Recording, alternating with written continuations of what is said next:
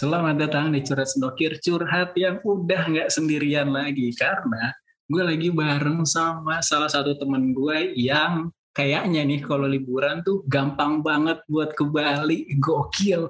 Gue udah bersama Sasmita Dingtias alias Sasmita. Jadi langsung aja nih, Sasmita ayo kita kenalan dulu. Biar bor-bor di rumah nih pada kenal lu siapa sih? Oke, okay. hai semuanya. Kenalin, aku Sasmita Ningtyas. Aku apa ya, mm-hmm. mahasiswi kali ya, mahasiswi ilmu komunikasi gitu. Dan sekarang lagi coba bikin podcast, belajar-belajar juga nih di Sasmita Podcast gitu. Anyway, Sas, kan lu udah mulai podcast ini dari lama kan ya, lebih lama dibanding gua kan. Kayak lu tuh udah menangin atau apa aja sih yang udah berdarah-darahnya lu tuh di podcast ini sebenarnya? Aduh, bingung juga ya. Uh, ya, jadi aku mulai podcast ini tuh dari tahun 2020 sebenarnya. Jadi yang gak lama-lama banget sih, mulai awal-awal 2020 gitu. Dan awal mulanya aku juga karena ikut kompetisi juga, Ri. Gitu. Dan alhamdulillahnya eh menang gitu. Nggak sengaja. Ya udah, terus akhirnya kayak jadi lebih tertarik lagi tentang dunia podcast tuh kayak gimana gitu. Terus ya udah cara untuk tetap bisa produktif di bidang podcast, aku lebih sering ikut lomba gitu. Jadi tiap bulan dulu di tahun 2020 tuh selalu ngeagendakan minimal satu kali ikut lomba podcast. Kayak gitu. Nah, jadi ya kalau dibilang berdarah-darahnya mungkin lebih ke kalau dulu sih alat-alat terbatas. Jadi aku nggak kayak sekarang yang mungkin pakai mic lah, pakai pop filter kayak gitu.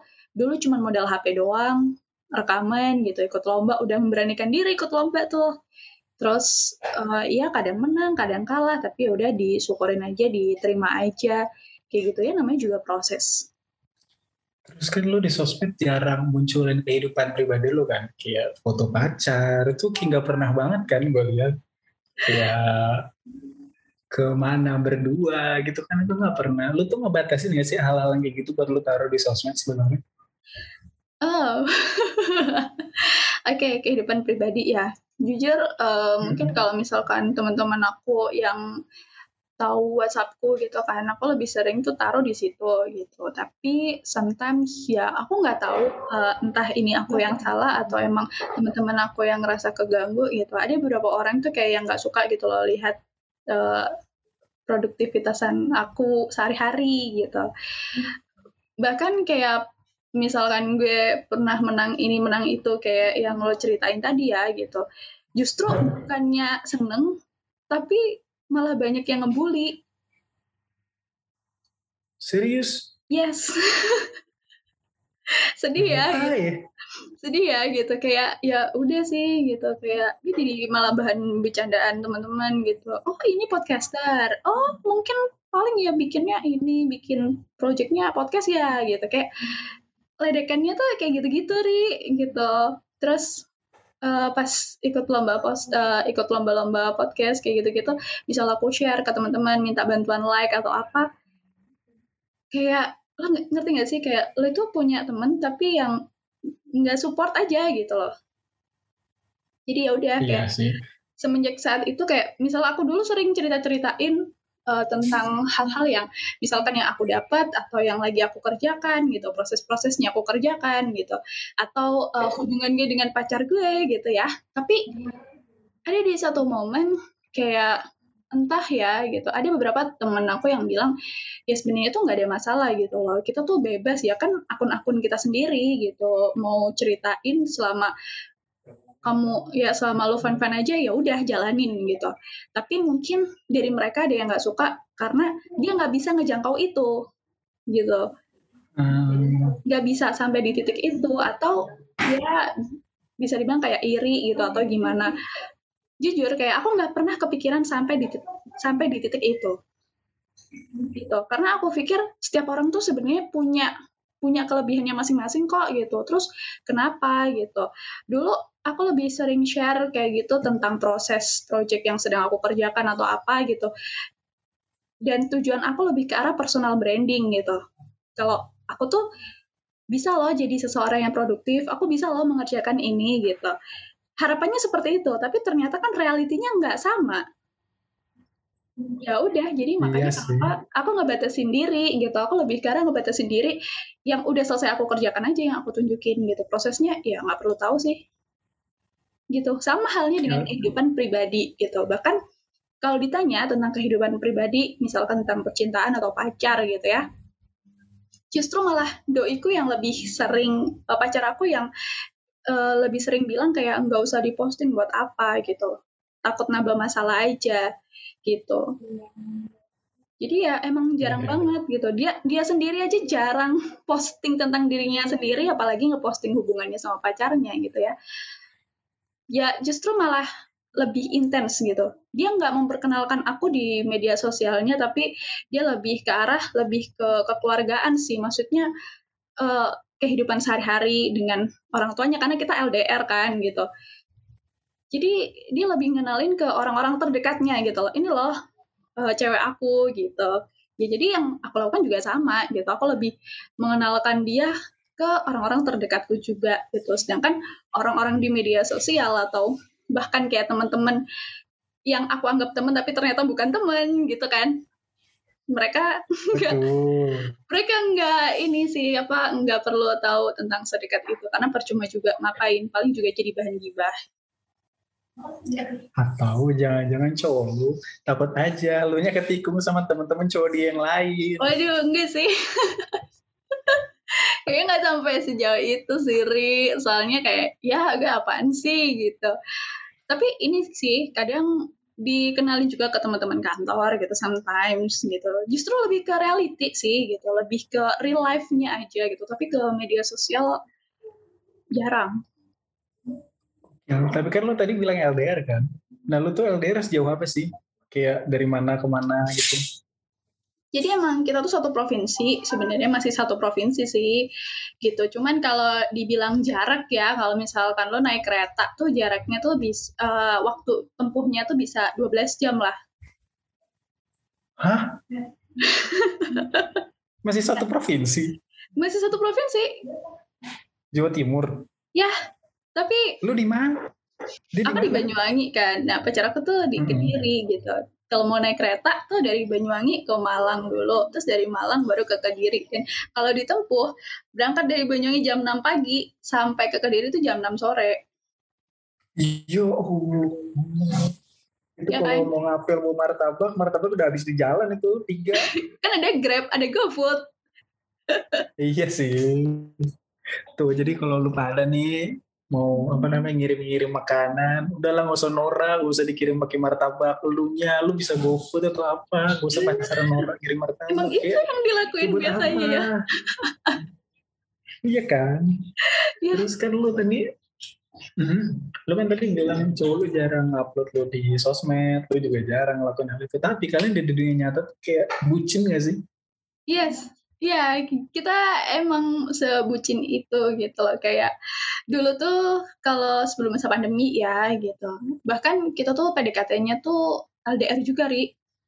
Dia lagi kerja di Bali. Gokil. karena waktu itu Mhm. kita kan kalau kuliah kan liburnya panjang-panjang ya gitu jadi berusaha untuk tetap produktif lagi-lagi ya gitu ya alasan lisu sih sebenarnya gitu sekalian buat nambah nambah-nambah biaya gitu ya biaya buat kuliah gitu nah terus akhirnya memutuskan kerja kerja di Bali gitu tiga bulan di sana. Dan aku rasa kayak ya aku nggak akan deket gitu nggak akan deket sama dia lagi gitu. Karena emang waktu itu aku juga lagi berusaha menjauh gitu ketika aku tahu dia suka sama orang lain.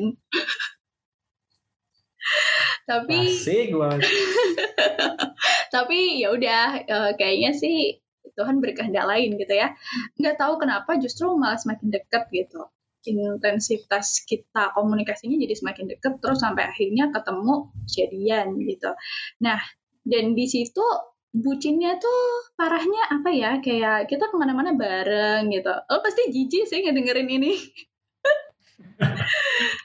Kita kayak pagi tuh aku dijemput gitu ya dijemput kita sarapan bareng. Terus kemudian kuliah karena emang Hmm. sama-sama satu jurusan gitu ya diantar ke kampus gitu. Sampai ya sampai motor aku tuh nggak kepake gitu. Karena ya ke mana-mana sama dia gitu. Ngerjain tugas juga bareng gitu. Terus malam kita jajan gitu. Kita beli apalah gitu ke mana lah kayak gitu. Terus kadang kalau weekend kita jalan-jalan ke mana kayak gitu. Kalau misalkan dia lagi nggak pulkam ya gitu. Karena kan kalau aku pulang kampungnya tuh setiap satu semester sekali. Kalau dia dua hmm. minggu sekali gitu. Karena jarak dari Surabaya ke kota dia tuh lebih dekat kalau aku kan jauh. Walaupun masih satu provinsi. Karena aku di ujung ri. Ujung pulau Jawa sana loh. Jadi ya capek aja gitu. Kalau misalkan setiap bulan harus pulang. Jadi ya udah satu semester aja lah nggak apa-apa gitu. Ya sebucin-bucinnya aku tuh kayak sampai kayak gitu keseharian secara keseharian gitu. Terus project gitu. Nah kita sering ngerjain project bareng jadi ada lomba apa? Ikutan yuk gitu. Ya udah ikutan. Misal dia jadi video editor dia jadi uh, pembuat skripnya atau pengisi VO-nya atau bahkan jadi talentnya ya pokoknya ya udah ikut aja gitu. Bahkan sampai kita lomba final nih di Unpad gitu di Bandung. Ya udah kita bareng-bareng ke sana gitu. Dan ya kita satu tim gitu. Terus ada project nih misal project video dari dulu dari Pemkot. Ada project lumayan gede ya udah dikerja dikerjain bareng gitu. Jadi apa ya sebucin itu kita itu. Dan ya sempat beberapa kali liburan kayak dia datang ke Banyuwangi atau aku datang ke kota dia gitu. Kenalan juga sama orang tuanya gitu. Ya udah sampai di tahap itu juga sih. Gitu sih sudah semakin serius sudah dikenal keluarga. Itu sulit sekali sulit. Kalau tiba-tiba ngilang ditanyain nggak ngilang tapi kok segan males. Kalau gue pribadi gue takut. Maksudnya ya gue pernah tapi gue yang nggak prioritasin itu buat hal yang harus gue lakuin. Karena ya ngapain gitu gue masih belum selesai sama urusan gue sendiri. Ya kan? Jangan nambah-nambah men. Takut nggak tahu juga ya gitu. Uh, mungkin kayaknya sih dia lebih dewasa gitu lah dari gue, tapi gue juga nggak nggak tahu lagi sih. Tapi lu kalau misalkan lagi jalan berdua nih, lagi jalan makan-makan apa segala macam, itu tuh kalian budaya bayarnya kalian menganut split bill atau bayar sendiri-sendiri atau gantian atau saling bayarin atau salah satu doang yang bayarin? Oke, okay, jadi kalau dari aku sendiri kita tuh lebih ke arah di satu tahun pertama sebelum masa pandemi gitu ya. Di masa-masa pacaran itu kalau misalkan makan karena emang pagi kita makan bareng terus malam juga makan bareng gitu. Lebih seringnya emang makan bareng ketika kuliah online eh offline. Nah itu kita sadar sih karena kita belum kerja dan dapat uangnya juga dapatnya dari kiriman gitu. Jadi sama-sama tahu aku tahu dia tahu. Jadi kadang oke okay, kalau misalkan pagi dia yang bayarin, malamnya ya aku yang bayarin gitu. Tapi dia lebih seringnya tuh gini, Ri, kayak dompetnya tuh ketika waktu bayar gitu ya, entah kita lagi berdua atau sama teman-teman, dompetnya langsung dikasihin ke aku. Yaudah bayar gitu. Tapi aku sadar diri ketika lihat isi dompetnya, oh ini masih tanggal segini dan uang dia tinggal segini gitu. Jadi ya udahlah gitu gentian mana yang ada. Gitu. bahkan pernah sampai di titik yang dia mau pulang dia mau pulang kampung dan dia nggak megang uang sama sekali dia masih bisa santai loh.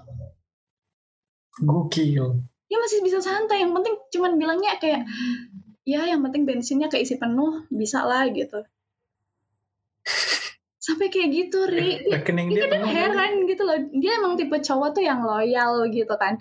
Sampai dia nggak pegang duit pun dia juga masih bisa biasa aja gitu jadi ya kadang-kadang kalau misalkan dia nggak ada duit tuh ya udah pakai uang aku aja gitu. Jadi kita bagi gitu. Pernah sampai yang kayak gini. Jadi dia mau pulang dia nggak punya uang sama sekali. Aku sendiri tuh aku belum dapat kiriman dan aku tuh cuma megang dua puluh ribu.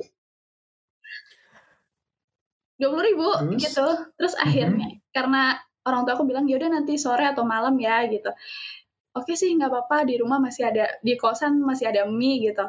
Ya udah kamu mau pulang kan? Ini ada dua puluh ribu kita bagi dua. Ya allah. Iya terus dia pulang gitu. Yang penting bensin dia keisi full gitu ya. Tapi kan jaga-jaga gitu loh jaga-jaga. Mungkin nanti ada ban bocor atau apa. Kan kita nggak tahu ya ri gitu kan.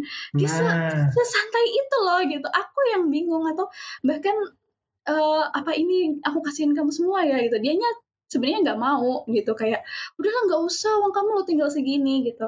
Udahlah nggak apa-apa gitu. Ya sampai di titik itu. Makanya sekarang nih karena sekarang sama-sama udah kerja walaupun belum lulus ya gitu. Dia kerja aku kerja kayak rasanya beda. Kita mau ngabisin uang tuh buat ya bisa dibilang kayak buat pacaran gitu. Ya udah mau apa gitu. Biasanya ditawarin mau apa mau liburan okay. ke mana mau uh, misal mau snorkeling bareng-bareng gitu. Ya udah uang uang kita sendiri ya kita habisin aja gitu. Nabung bareng. Perubahannya perubahannya sangat terasa ya. Ya kayak gitu Ri. tapi sekarang lebih ke melek ini sih melek finansial ya mulai mikir gitu. Kadang yaudah yuk kita nabung gitu. Kita investasi gitu belajar belajar gitu. Udah sampai di tahap itu sih sekarang. Walaupun nggak banyak jujur kayak beneran yang nggak banyak gitu. Karena masih belajar Oke nih jadi dari dua puluh ribu di split ceban-ceban atau sepuluh ribu sepuluh ribu sekarang snorkeling nggak mikir gila perkembangan ekonominya snorkeling tuh bukan lima puluh ribu doang loh. Snorkeling tuh pasti ratusan ribu dong. Belum alatnya, belum kesononya. Gila, perubahan ekonominya keren sekali. Sasmita dan mas-masnya. Gokil, gokil, gokil. Tapi lu tuh uh, kalau di tahap apa ya, di tahap apa lu yakin kalau ah ini nih yang gue pilih. Gue gak bakal salah pilih. Kayak dia. lu pernah mikir kayak gitu gak? Hmm, ya. Iya dong, pasti dong kayak ini sih. Jadi ketika coba ya bayangin ya gitu. Ketika pertama kali pacaran terus aku langsung minta kalau kamu emang mau serius kalau kamu emang mau serius sama aku, kamu harus hmm. ngomong dulu minimal ke salah satu orang tua aku gitu. Dan dia mau. Gitu dia oh, langsung minta iya. izin. Ya karena kan aku jauh ya maksudnya aku jauh dari orang tua gitu ibu di Banyuwangi, ayah di Bali, aku di Surabaya gitu. Kita mencar semua gitu. Jadi kamu minimal harus ngomong dulu yang dia langsung ngomong ke ayahku. Gitu. Terus kata ayah kamu? Ya nggak apa-apa gitu karena kan memang udah dewasa juga gitu, udah kuliah. Jadi dan cukup ini sih cukup gentle sih. Ayahku ngelihatnya kayak oh dia langsung mau ngobrol sama orang tua tuh udah jadi suatu bentuk keberanian gitu loh. Ya cuma titip pesan aja buat ngejagain aku kayak gitu. Itu sih yang pertama yang bikin aku liatnya serius gitu. Terus kayak ada di part-part yang ketika dia tahu apa yang aku butuhkan sebisa mungkin dia bisa memenuhi itu kayak gitu. Walaupun kadang ya aku nggak minta gitu loh kayak misalkan nih kayaknya kamu butuh ini deh gitu. Aku beliin ya gitu. Sesimpel itu. Tapi emang beda beda banget pacarannya ketika kita yang masih kuliah kita belum kerja kita belum pegang duit sendiri dengan yang sudah sekarang sudah ada walaupun nggak banyak gitu ya. Kayak berpacarannya tuh jadi lebih seriusnya tuh sekarang gitu. Kayak ngerti nggak ri? Kayak misalkan kamu nih bisa memenuhi kebutuhannya pacar lo itu kayak jadi suatu kebanggaan bagi lo sendiri Iya, beberapa. Tapi gue merasa kayak gue bukan investor, jadi santai aja. Iya kan? Tapi dia lebih ke investornya ilmu, gitu. Ilmu hmm. atau pengembangan tentang diriku. Jadi kayak misalkan dia ngebeliin aku course buat belajar, kemudian dia ngebeliin sometimes ya kayak alat-alat podcast nih beberapa juga dibeliin dia, gitu. Terus kayak ya hal-hal lain sih. Jadi nggak nggak melulu yang seputar mau dibeliin jajan atau apa gitu nggak yang kayak gitu juga gitu dan aku sendiri kalau misalkan aku lagi ada uang lebih gitu ya terus aku ngelihat ada sesuatu yang dibutuhin sama dia justru dia tipe orang yang nggak mikirin diri sendiri gitu jadi misal kayak sepatu sampai sobek atau apa sampai rusak dia nggak peduliin gitu. Ya udah jadi aku yang beliin. Okay. jadi kita kayak barter gitu ri. Wah, kalian yang gak mikirin penampilan, sumpah. Jadi kayak aku justru oh, gitu. Bahkan kayak misalkan uh, apa ya, yang bucinnya tuh. Kayak misalkan kita treatment bareng. Karena aku emang suka treatment? Suka skincare suka ini gitu ya. Yaudah Oh ya. yaudah yuk kita coba treatment bareng gitu. Kayak gitu. Oh.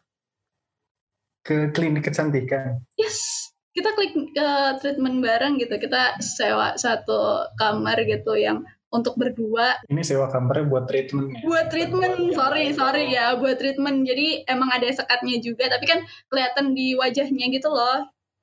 Kayak ada sekatnya terus jadi kelihatannya cuman cuman apa ya cuma ya sebelahan gitu doang gitu. Dan bajunya Ini cuma mukanya doang. betul jangan Hmm. mikir aneh-aneh nih Jangan mikir aneh-aneh. Ibu udah mikir kamar. Ini apa nih kamar nih? Udah berprasangka dong di sini di otak. Wah dia sangat terbuka. Maksudnya terbuka perasaannya. Ungkapan perasaannya. Ternyata pacaran serius tuh kayak gitu. Gue gue pribadi gue belum serius itu karena gue juga tidak tahu karir saya akan ke mana. Tidak tahu duitnya dari mana. Tapi ya udah lakuin aja. Terus lo ada nggak sih kayak Hmm, kriteria cowok idaman lu sebenarnya. Em, kriteria cowok idaman tuh apa ya itu sempet bingung juga gitu tapi kurang lebihnya ya paling nggak dia harus di atas di atas gue dari bukan dari Apanya? sisi finansialnya ya gitu. Tapi lebih ke arah ini sih kayak etos kerja etos kerja. Semangatnya gitu. Semangatnya terus skillnya gitu. Yang pokoknya gue pengennya lebih pinter gitu.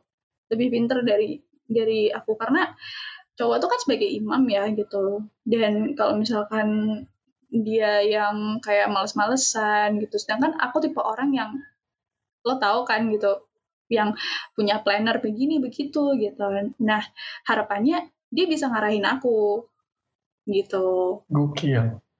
jadi Apakah cowok kamu ini tukang parkir? kan mengarahkan men. Tukang parkir kan ngarahin dong terus terus terus. ya yang nggak gitu sih tapi emang realistis ya Ri gitu kalau dulu gitu kayak mikir ya kalau misalkan aku pacaran sama dia atau bahkan sampai ke titik yang serius kayaknya gue bakal nggak kelaparan gitu loh. Karena skill dia tuh banyak. itu itu pikiran aku sendiri ya gitu. Dari pribadi aku mikirnya kayak ya karena dia nggak bakal ini sih eh, nggak bakal nganggur gitu. Mikir mikirnya tuh kayak sampai di titik itu gitu. Dan ternyata ya emang benar gitu. Sejauh ini ada banyak berkembang ada banyak perkembangan antara aku dan dia gitu walaupun dengan jalannya masing-masing. Tapi ya itu tadi karena dia tipe orang yang semangat dia tipe orang yang nggak bisa diem akhirnya aku juga ikutan gitu loh. Tapi lu sendiri kan tadi bilang lu itu bucin kan, kalian berdua bucin. Kalian tuh masalah gak sih di labelin bucin gitu? nggak sih nggak. Karena itu wajar menurut aku. Hmm, gitu. Bagus nih ini buat clickbait. Bucin itu wajar. Waduh. ah iya. Karena wajar gitu. Bahkan sampai yang di titik yang misalkan dia kerja gitu ya.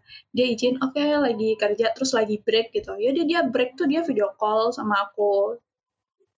Gitu. Dia eh, lagi terus dia ceritain gitu. Ya sama aku pun juga gitu. Misalkan habis ini nih habis rekaman nih pasti ya bakal video call. Gokil. Gue gak seromantik gitu kali. Aduh. Jiper gue. Kayak ah. ya tiap malam aku kayak gitu-gitu. sebelum tidur kita ya kadang nyeritain sehari-hari udah ngapain aja kalau misalkan dari pagi kita udah nggak nggak video call ya gitu kita cuman cacatan aja gitu malam nyeritain gitu jadi eh, deketnya tuh sampai gitu jadi kita nggak ada sesuatu hal yang benar-benar dia nggak tahu gitu tentang keseharian aku dan dia sendiri juga sama gitu. Jadi sebisa mungkin kayak dia adalah salah satu orang yang paling deket setelah keluarga aku gitu yang tahu apa pun tentang aku kayak gitu. Supaya ya orang-orang yang aku anggap spesial itu nggak kecewa gitu loh. Kayak seolah-olah loh kok aku nggak tahu sih tentang misalkan tentang Sasmita yang ternyata kayak gini gitu. Jadi sebisa mungkin jangan sampai dia tahu cerita-cerita dari orang lain gitu jadi Oke. orang lain duluan Gitu. Tuh, bucin tuh gak masalah. Tapi kalau lu dikatain bucin-bucin mulu tiap hari juga capek dengernya. Bucin capek, capek banget dengernya. Anyway, uh, lu ada pesan gak sih buat apa ya gue sebutnya buat orang-orang manusia-manusia laknat yang dengerin ini nih Hmm, buat manusia-manusia ini tentang kebucinan kebucinan apa ya? Sih, kadang tuh kita tuh nggak usah munafik gitu ya. Kalau misalkan ngelihat punya tem atau punya temen yang bucin banget ya, karena berarti dia udah menemukan pasangannya kayak Oh. yang udah klop aja gitu loh, udah klop banget gitu. Jadi kenapa mereka bisa sebucin itu ya mungkin karena visi misinya udah sama ya, terus kayak udah klop aja gitu ya dari sisi batin gitu. Nah terus jangan apa ya, jangan munafik kalau suatu saat nanti mungkin lo yang mungkin belum pacaran atau yang eh, suka ngelok-ngelok bucin gitu bisa lebih bucin gitu. Ketika udah menemukan orang yang orang yang benar-benar bisa deket banget gitu. Karena ya bedanya temen sama pacar tuh itu gitu. Kalau temen tuh kadang ya bisa deket gitu tapi kan nggak sampai sewaktu nggak sampai yang bener-bener waktunya tuh setiap hari lo bakal deket sama dia gitu. Mungkin ada di satu waktu dia akan berpindah gitu ketika menemukan prioritas yang lain gitu. Misal punya pacar gitu. Nah jangan kalau bedanya pacar ya atau pasangan atau apalah gitu. Buat yang taaruf kayaknya nggak perlu dengerin ini sih ya. Buat kalau misalkan pacar tuh dia tuh bisa lebih intens gitu dan bisa jadi salah satu orang yang memprioritaskan kamu gitu di kehidupan kamu gitu akan menjadi salah satu orang yang berperan penting dalam hidupmu gitu. Kalau aku sih itu jadi pacar tuh udah aku anggap sebagai keluarga juga dan jadi salah satu orang yang masuk ke prioritas hidup gitu loh. Gokil. Menjawab kebingungan gue soal bucin itu sebenarnya nggak perlu, tapi ternyata perlu juga deh. ya jadi gitu Re. Kayak apa yakin kayak nanti di masa depan kalau misalkan lo punya istri tapi lo nggak bisa bucin sama istri lo gimana sih? Pasti ada yang aneh berarti. Iya, kalau gue nggak bisa beli makanan, gue sengaja sodorin HP, nih GoFood. Nah, itu level bucin gue. ya itu ketika ini sih kata teman kata temen gue ya ketika ada yang namanya eh segitiga cinta di, di psikologi jadi di situ tuh Mhm. ada komitmen terus ada rasa cinta itu sendiri terus sama ada yang satunya itu kayak kebutuhan secara apa ya hubungan yang ya itulah lu tahu kan ya kalau orang udah nikah sih bisanya paham nggak Oh iya. kalau Oh, ketika iya. itu ketika tiga itu udah terpenuhi pokoknya aku kurang lebihnya ada segitiga cinta gitu ketika tiga titik itu udah terpenuhi ya hidup lo akan bahagia cintanya akan jadi cinta yang kamu harapkan gitu ya. Mungkin untuk saat ini aku masih bisa memenuhi dua hal gitu ya. Dua hal dari tiga titik itu Hmm. tadi gitu kurang satu gitu. Dan aku aja di titik ini udah ngerasa ya seneng gitu. Udah ngerasa udah bersyukur ada seorang yang mencintai aku nih ada yang mencintai ya secara apa adanya. Wah. Gokil. kayak gitu sih. Keren. Anyway, makasih ya sudah ngomong-ngomong bacot-bacot Ria bersama gue udah curhat-curhat soal ternyata kebucinan tuh penting juga ya. Hah? penting sih Apalagi buat pokoknya cari pasangan tuh yang penting kayak AC. kenapa Nah, soal soalnya kan ada PK-nya. Wow, wow, wow. ya ampun oke oke Wow, bisa wow, bisa bisa wow. Jadi nih, lu semua kalau lu emang udah sayang sama satu orang, kalau lu emang pengen ngebucin ya udah bucin aja, jangan malu kalau emang itu cara lu buat melampiasin atau cara lu buat mewujudkan cinta lu ya jangan malu untuk ngelakuin. Dan kalau lu dikatain sama orang ya kan orang gak ngejalanin juga. Dan kalau ada orang yang gak ngelakuin jangan lu katain juga. Maksudnya hidup lu hidup lu hidup orang hidup orang. Jadi gue Selamri dan aku Susmita kita cabut. Bye. Bye Bye.